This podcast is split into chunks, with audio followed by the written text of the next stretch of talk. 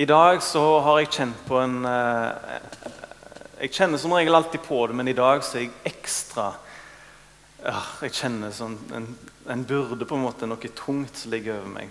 Grunnen til det er at jeg vet at det er det jeg har, skal si til dere nå Hvis det blir tatt imot helt åpent, helt sånn i ditt hjerte, så kommer det til å forandre deg. Og det kommer til å forandre menigheten. Men så er det disse ordene fra Jesus. Det er de jeg skal dele med dere. Det er de som forandrer dere. Og de er sterke. Men det er noe annet òg som er sterkt. Og det er vår egenvilje.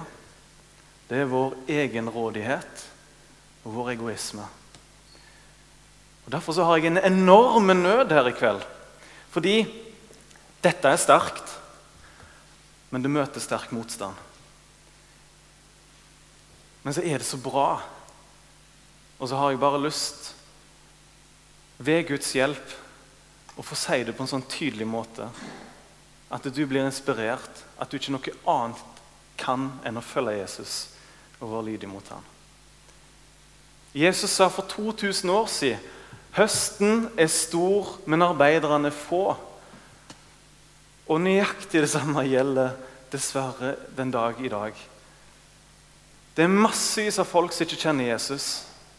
Og det er altfor få som er villige til å dele evangeliet med dem på en hverdagslig og enkel måte.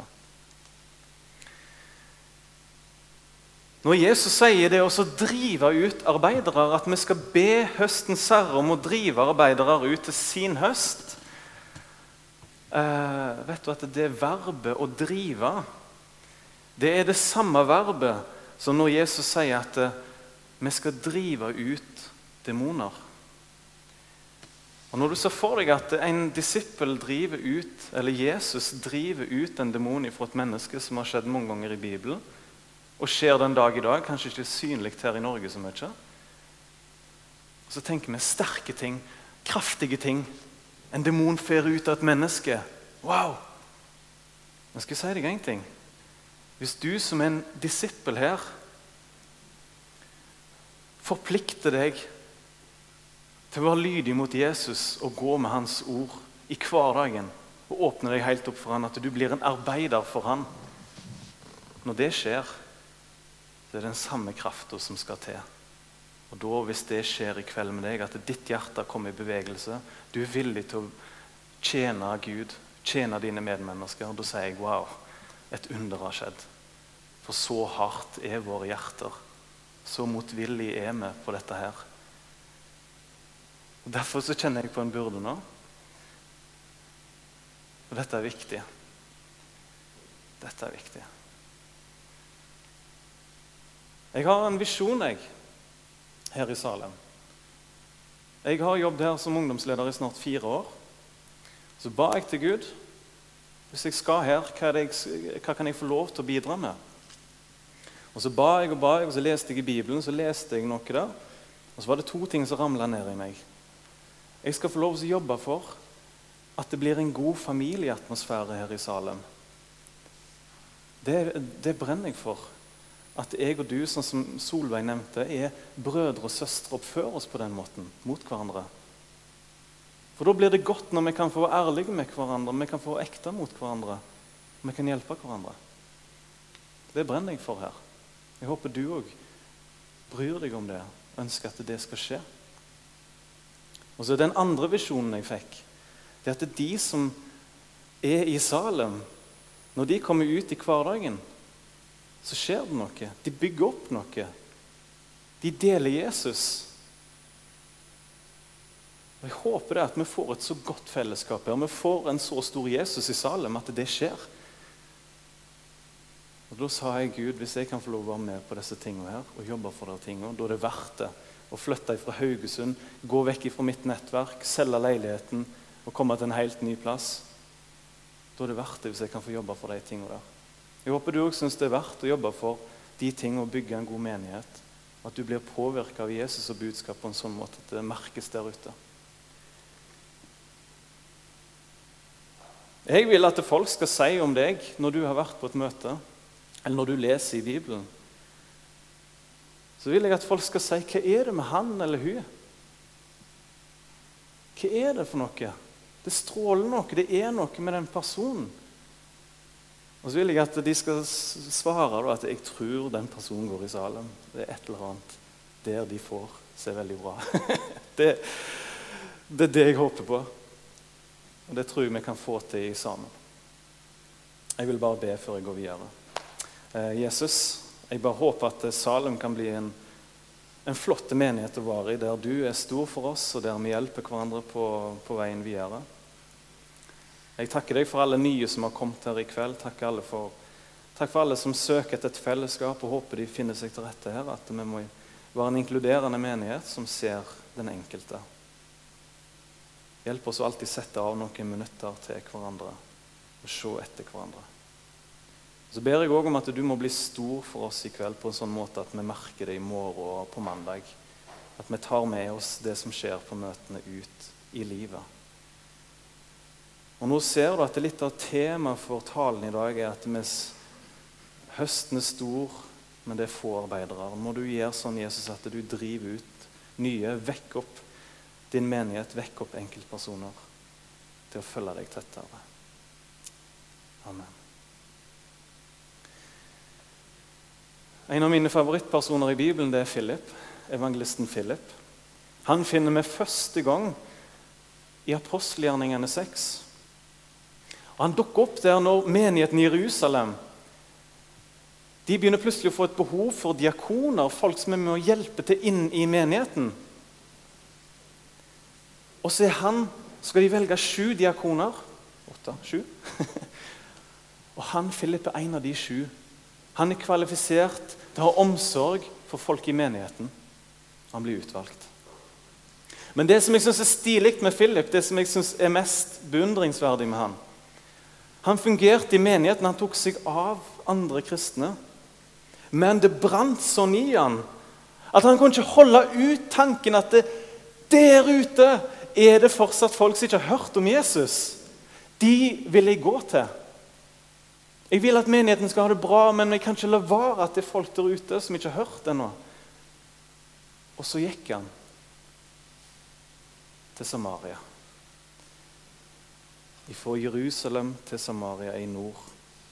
Fordi der var det mange mennesker som var bonden åndelig sett av satans, satans lenker. Og der ville han forkynne frihet for dem. Byen Samaria var en gang tidligere besøkt av Jesus. Jeg vet ikke om det var ett år siden, eller to år siden, eller tre år siden. det vet jeg ikke. Men Jesus besøkte i alle fall Samaria, står det i Johannes kapittel 4, og møtte ei kvinne med en brønn der. Og hun kvinna der levde rett og slett et, for å si det sånn, et horeliv. Hun skamma seg. Hun hadde en Ja. Hun vågte ikke å se mennesker i øynene. Sånn hadde hun rota det, rota det til for seg. Og Jesus satte hun fri. Tok synda vekk ifra henne, ga henne levende vann åndelig sett.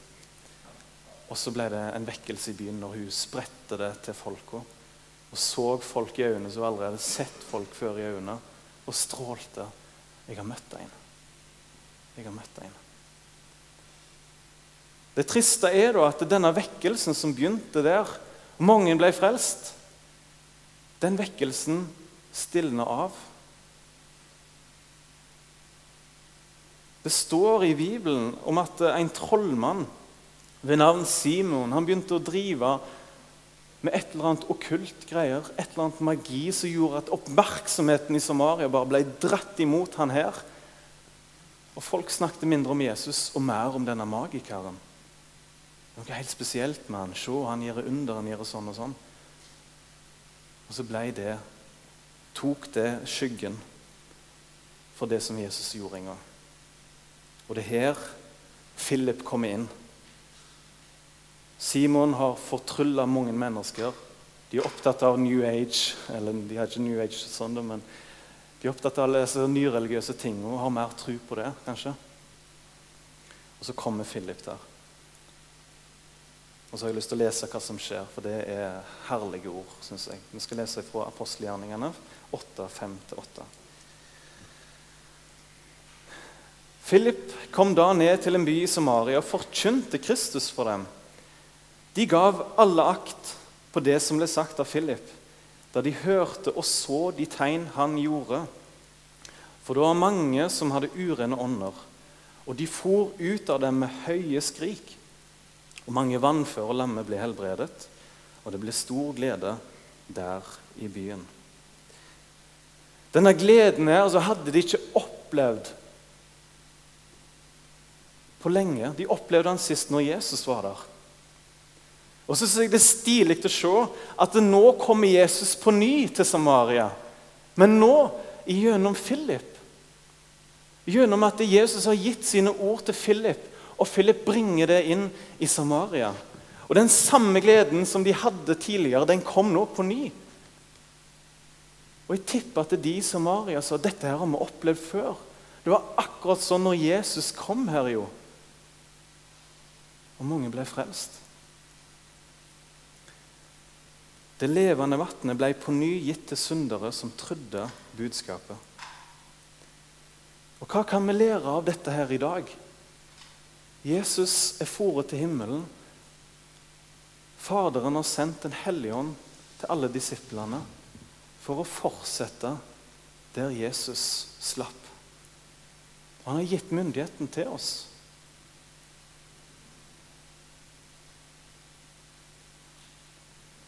Du som er kristen, er satt til å forvalte dette her. Til å forvalte evangeliet. Sånn som Philip gjorde. Og gikk med Guds ord. Dette her gikk han med.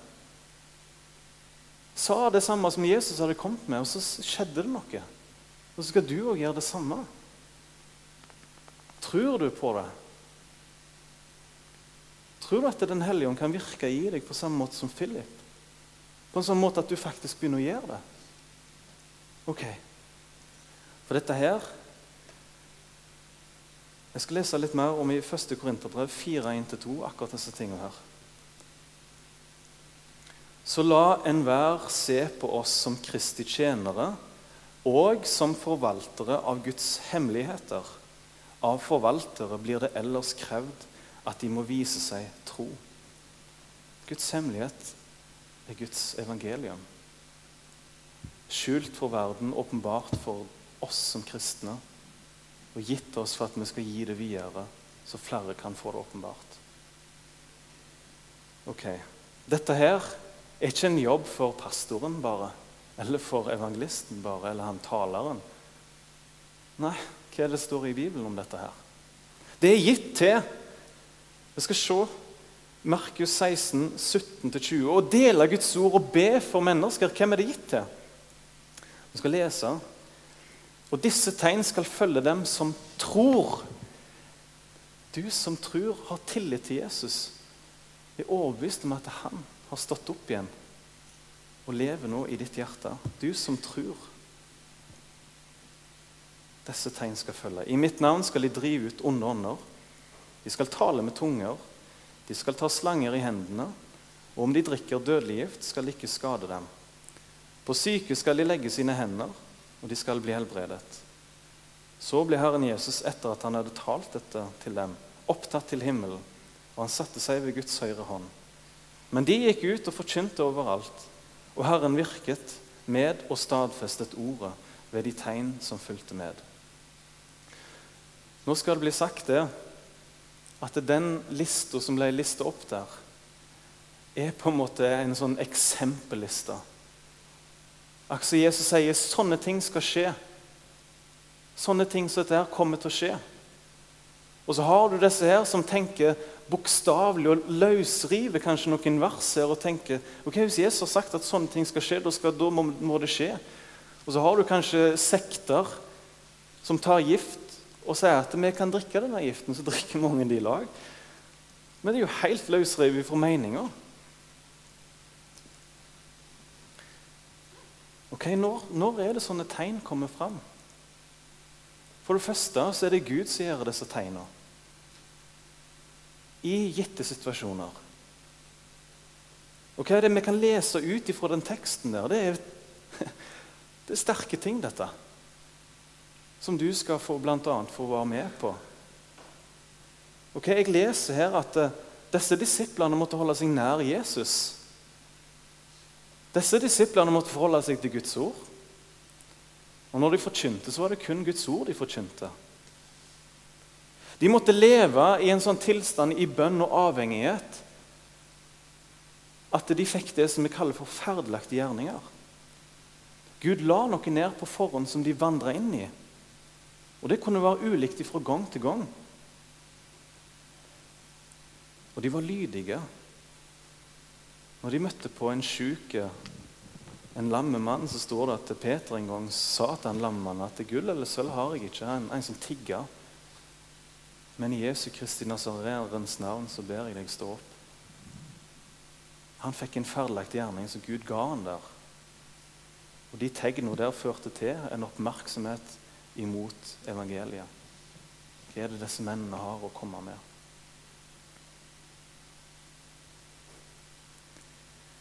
Men mange forhåndsstemmer en sak. Har ikke du ofte kanskje møtt på noe der du vet at dette her sier Bibelen noe om? Enten å be for syke eller dele Guds ord. Og så skjer det at vi forhåndsstemmer. Nei da, dette utfallet kommer til å bli negativt. Eller du tenker dette er for de som er mest gira. Men sånn er det ikke. Ok, Et tankeeksperiment nå.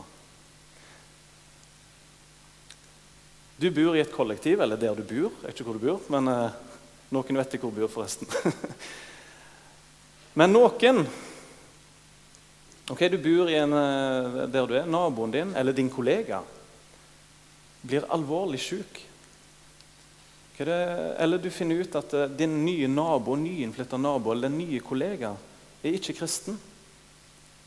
Hva er det første du tenker på da?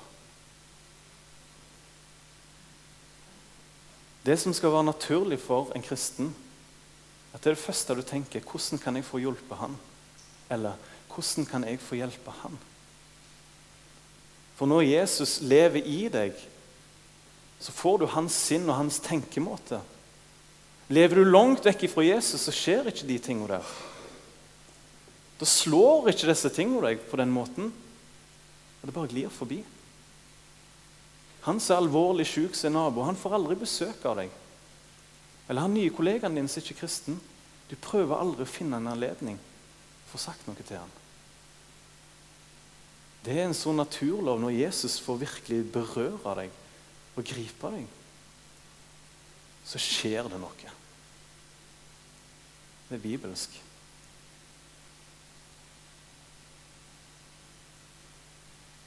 Ok. Jeg har bedt for en del personer. Jeg skal gi dere noen eksempler. Jeg har, bedt for ganske mange.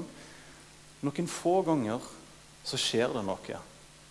Noen ytterst få ganger skjer det noe. Som oftest er det skjult for meg hva Gud gjør. Som oftest. Jeg har et eksempel på en nabo som jeg, eh, som jeg bodde med. Eller han, han, er i mitt område.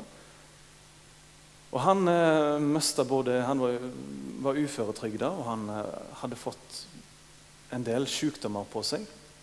Og jeg syns veldig synd på han. Og Jeg lette etter muligheter for å vitne for han, og ba for ham. Så skjedde det en dag at vi begynte å bli litt mer, mer kjent. Og En dag så inviterte han meg inn. Og han og Jeg begynte å spørre han litt om, om, hvordan livet var nå. og Jeg spurte han litt og fortalte selv at ok, det er andre problemer jeg, jeg har opplevd enn deg nå. Men jeg har en Jesus som har hjulpet meg gjennom problemene. Hva, hva er ditt forhold til Jesus og kristentro? Så snakket vi litt om det. At det var ikke så fjernt for han. Og Så sa jeg til han at du, jeg kan godt be for deg. Jeg vet ikke utfallet, men jeg, kan, jeg, jeg ønsker i alle fall å be for deg. Og så sa han jo, jo, jo, det må du bare gjøre. Og jeg la hendene mine på ham. Og sto der og ba. Jeg fikk vitne litt og sto der og ba for ham. Jeg ante ikke hva som kom til å skje nå. Jeg ante ingenting, men jeg vet det er det Jesus har bedt meg om å gjøre. Og Så ba jeg for han, og etterpå spurte jeg han, du, hva skjedde egentlig? Og så har han bare Nei, jeg vet ikke, men du har iallfall veldig varme hender. det var det. Eh, så Det var ikke noe særlig mer enn det som eh, var resultatet, eller konklusjonen. Men vet du hva? Jeg tror at en liten solstråle fra himmelen lyste inn i hans leilighet og tente et nytt håp. Og vi har kontakten videre. Mye arbeid gjenstår. Men jeg skal bare gjøre det som Gud har befalt meg om å gjøre. Jeg må be for syke og vitne for dem.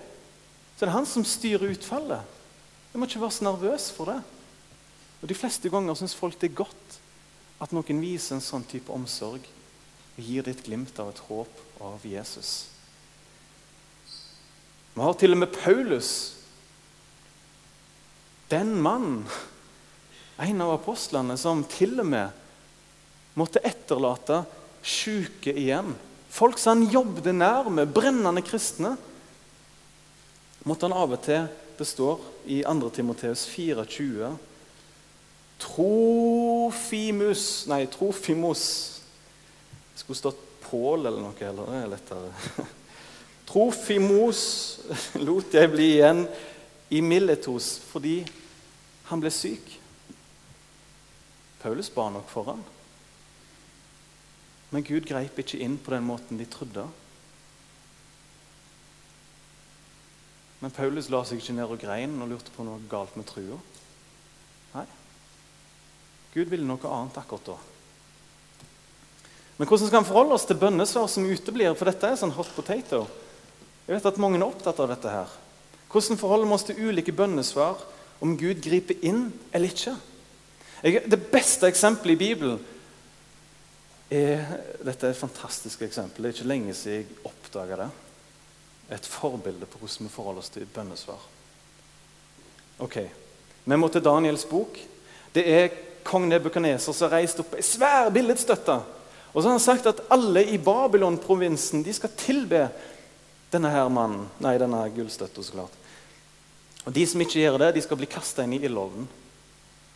Og så står det at det var tre menn fra Israel som var blitt bortført i fangenskap, som nekta å bøye kne for denne billedstøtta. Og de ble trua med å gå inn i ildovnen. Og så sa de dette her til kongen. Hør på dette her. ikke det ja, skal si Hør. Vår Gud, som vi tjener, sier disse tre mennene. Shadrach, Mesjak og Abednego. Han er mektig til å frelse oss. Av den brennende ildovnen og fra din hånd, konge, vil han frelse. Og så kommer det Men hvis ikke, så skal du vite, konge, at vi ikke vil dyrke dine guder eller tilbe det gullbildet som du har stilt opp. Så egentlig så sier de her nå på en måte Gud skal derfor æres uansett. Uansett utfall. Om det skjer en helbredelse eller inngripelse nå, eller den dagen jeg entrer himmelen. Jeg syns det er flott at det står i Bibelen at Gud, uansett skal Gud ha ære. Uansett utfallet. Om jeg ble helbreda fra den sykdommen eller ikke. En dag blir jeg helbreda. Og det er Gud som bestemmer når. Ok. Av og til så gjør Gud under, men uansett, det viktigste er forkynnelsen av Guds ord. Mamma hun er et godt eksempel på dette. her. Hun er ei som automatisk, når hun hører om syke eh, i naboer, og sånne ting, så tar hun med seg salveolje så labber opp til dem, så dinger hun på.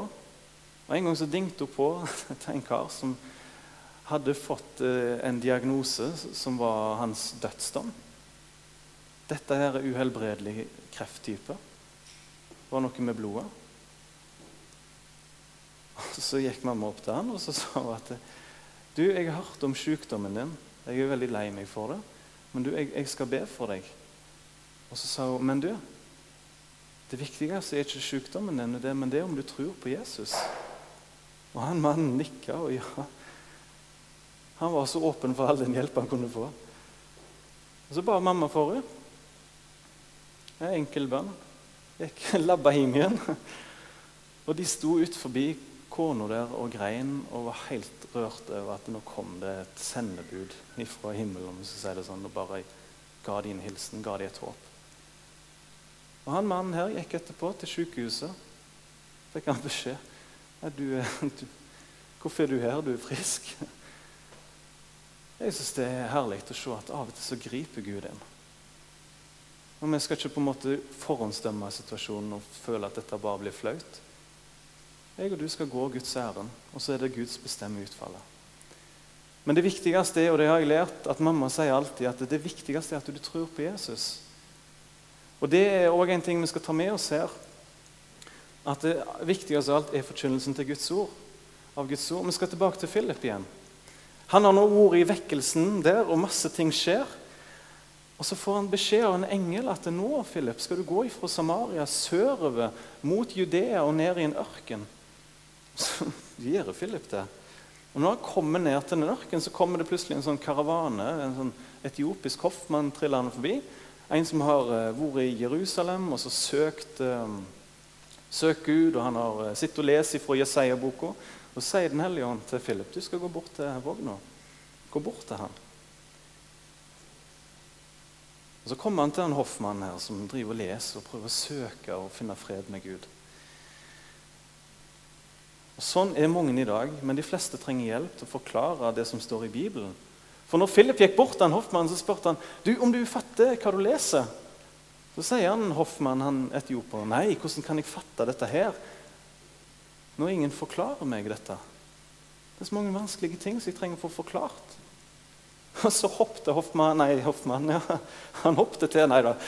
Philip hoppet opp i vogna, og sånn var det. Og så for de av gårde, og så samtalte de sammen. Over Jesaja 53.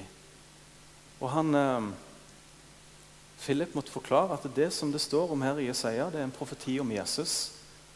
Det er han det handler om. Og så forkynte han Jesus til ham, og de samtalte. Og så vil jeg si noe viktig til dere. Jeg og du, vi skal dele Guds ord.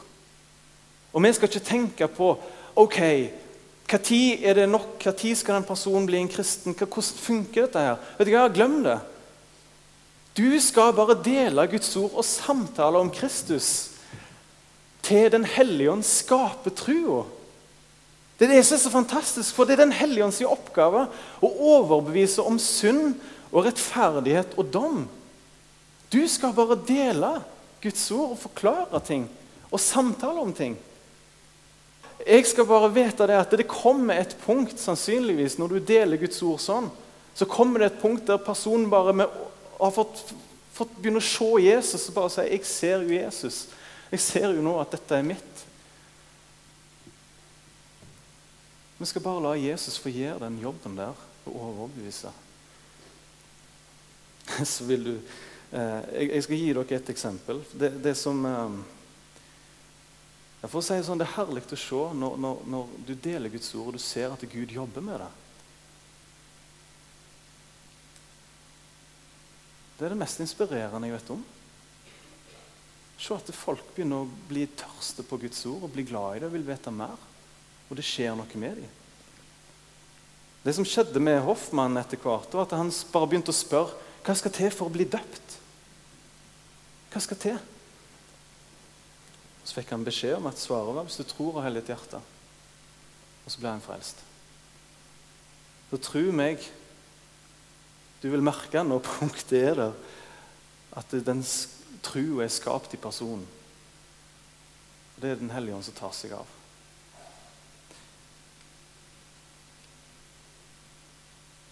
Jeg vet om flere jeg har bedt i lag med.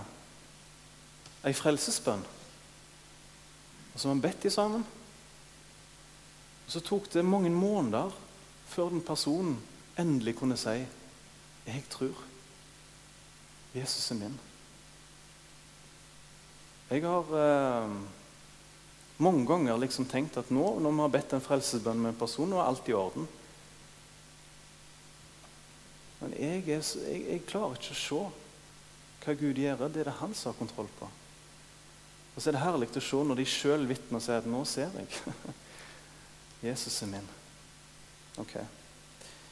Jeg vil gå, ha et eksempel på dette. her. Få litt mer Bibel på akkurat disse tingene her. Ok, Hva skjedde når Peter sto på pinsedag? da? Den første forkynnelsen etter at Den hellige ånd var landa i hjertene på dem. Og Så trådte Peter fram, og så holdt han en eh, heidundrende god tale. Og så står det at de, det var 3000 mennesker som gikk fram og så bare begynte å spørre hva skal vi gjøre for noe. Det traff de midt i hjertet, og en tru var blitt skapt. Og de lurte på hva skal vi gjøre for noe. Og så sa Peter dette til gjengen i apostelgjerningen 2,38. Peter sa til dem, omvend dere, og la dere alle døpe på Jesu Kristi navn, til syndenes forlatelse, så skal dere få Den hellige ånds gave. Når folk begynner å se Jesus, så kommer òg syndenøden. Hva skal jeg gjøre for noe? Og Da skal du med frimodighet sette deg ned med den personen og si vi skal be til Gud om at han skal tilgi deg dine synder.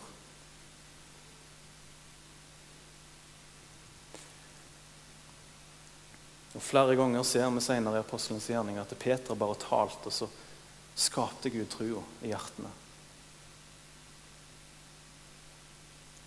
Ok, Når vi ser at dette her er Guds strategi, så må vi fornye trua på at det funker faktisk. Ok, Hører dere dette her? Er dere på sofaen med nivå nå, eller hører dere det jeg sier her nå? Dette her er viktig. Dette forandrer faktisk Rogaland, hvis dere tar inn over dette her. altså. Ok? Jeg vil ha lyttende hjerter nå når dette, disse ordene kommer. Åh, jeg, ja. Dette brenner jeg for, og det vet jeg ikke er en flamme jeg har kommet med. Dette her er Gud som driver og vil si noe. Jeg og du må fornye troa på at det går faktisk sånn at du som sitter her inne, alle her kjenner en som ikke er kristen, eller et eller annet, eller er en som har vært en kristen som er på vei vekk. Du kan ta én person, du kan be for den personen der over tid. Og når muligheten kommer, så sier det til den personen, når tørsten til den personen begynner å bli vekket opp, så sier skal vi lese litt i Bibelen i lag. Skal vi lese et kapittel i Lukas? Skal vi snakke litt om dette? Hva lurer du på? Hvorfor skal vi gjøre det? Hvorfor skal vi lese Bibelen med dem? Hvorfor skal vi samtale om troa med dem? Prøve å forklare dem litt om Jesus, dele vitnesbyrdet vårt? Jo, fordi det står i Romerne 10, 13-15 og vers 17 at det sparer på den måten der troa kan bli skapt. For hver den som påkaller Herrens navn, skal bli frelst. Men hvordan kan de påkalle en som de ikke har kommet til tro på? Og hvordan kan de tro på en som de ikke har hørt om? Og hvordan kan de uten at det er noen som forkynner, høre? Eller hvordan kan de høre uten at det er noen som forkynner? Og hvordan kan de forkynne uten at de blir utsendt? Som skrevet står, hvor fagre er deres føtter som bringer fred, som bringer et godt budskap. Og til slutt, vers 17. Så kommer da troen av forkynnelsen som en hører, og forkynnelsen som en hører, kommer ved Kristi ord. Eh. Er du villig til å bli brukt til dette her? Dette er ikke bare snakk om at du skal stå framme her og så dele en haug med Guds ord. Men du deler Guds ord én til én òg. Det kan alle gjøre. Er du villig til å bli brukt? Dessverre så er det lett å bli lunken her i Norge. En lunken kristen. Hvor er nøden henne? Hvis vi ser på hvis vi ser f.eks. på afrikanske barn eller på narkomane, så er det veldig lett for oss at en menneskelig nød og medlidenhet blir vekt opp i oss. Og vi tenker vi må gjøre noe, vi må få gjort noe. Men hvis jeg og du lever her i Norge, og alle de som på en måte ikke er kristne, er rundt oss De har det de trenger, de smiler fornøyd, de er populære, og alt går som regel ganske fint. Det ser ut som de har full fred, det ser ut som de ikke trenger Jesus. De har fine klær, de har råd til å gå på BI, kanskje. vet ikke jeg. Får du nød for dem, menneskelig sett? Men vet du hva? Jeg og du må se dem med Jesu øyne. Vi må se dem fra et åndelig perspektiv, et evighetsperspektiv. Og bare da kan vi få nød for dem der vi virkelig begynner å få dem på innsida av hjertet og tenker vet du hva, vi må få vinne disse folka her. Og Hva var hemmeligheten til Philip?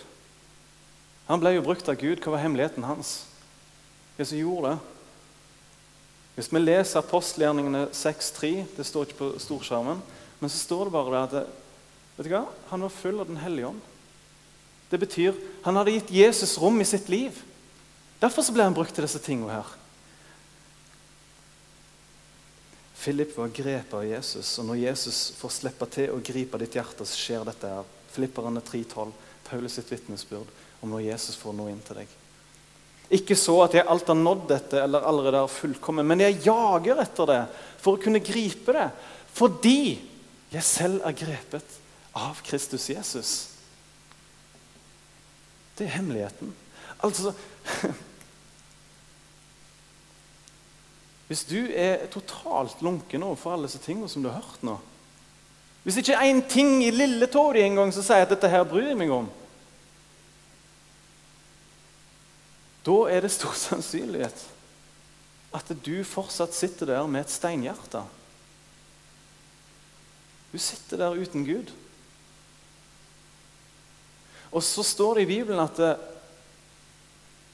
Gud har lyst til å ta ut steinhjerter. Og så vil han legge inn et hjerte av kjøtt. Og det hjertet der har en egenskap etter å strekke seg ut mot Gud. Det hjertet har en egenskap til å lengte etter Jesus og komme i en relasjon til ham. Og eier du null connection til dette her tinget her, da må du bli omvendt. Da har du et steinhjerte hvis dette her ikke betyr noen ting for deg. Jeg håper at du vil åpne deg opp for den forkynnelse som du har hørt. At her kan Gud forvandle deg. Han kan ta ut stein og legge inn kjøtt. Kan gi deg Den hellige ånds gave og fornye din sjel.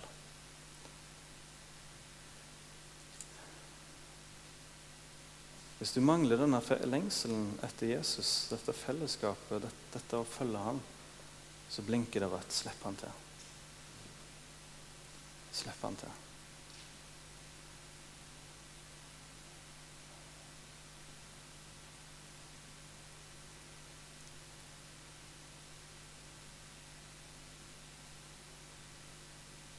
Kjenner nå at dette her dette gjelder noen her inne. Det er noen som ennå ikke er grepet av Jesus. Det er noen her inne som ennå holder ham på avstand.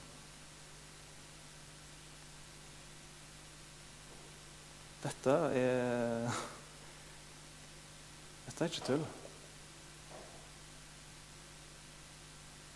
Er du grepet av Jesus på en sånn måte at du strekker deg etter ham? Jeg snakker ikke om hvor fullkommen du er, eller sånn eller sånn. Men er det liv hos deg? Hvis Jesus får grepet oss, så skjer det noe med oss og som menighet. Jeg og du kan ikke la være å begynne å vitne. Vi kan ikke la være å begynne å lete etter muligheter. Vi har så lyst.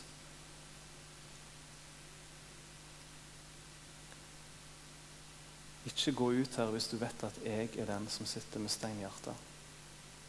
Jeg er den som er navnekristen, livløs. Jeg er den som Jesus ennå ikke har fått grepet. Ikke forlat denne plassen. Ikke la noen løgn få slippe inn og si 'ikke nå', vent, ta det seinere. Nå er nådens tid. I dag, i kveld. Jesus, takk at du samler opp alle bønner som kommer til deg nå. Takk at du hører hver og en. Og takk at du tar på alvor hver en som har sendt deg ei bønn nå. Velsign flokken og ditt ord, og bare la det skje en forvandling med oss. Ikke la ordet ditt falle i steingrunn eller på veien, men gi god jord. Amen.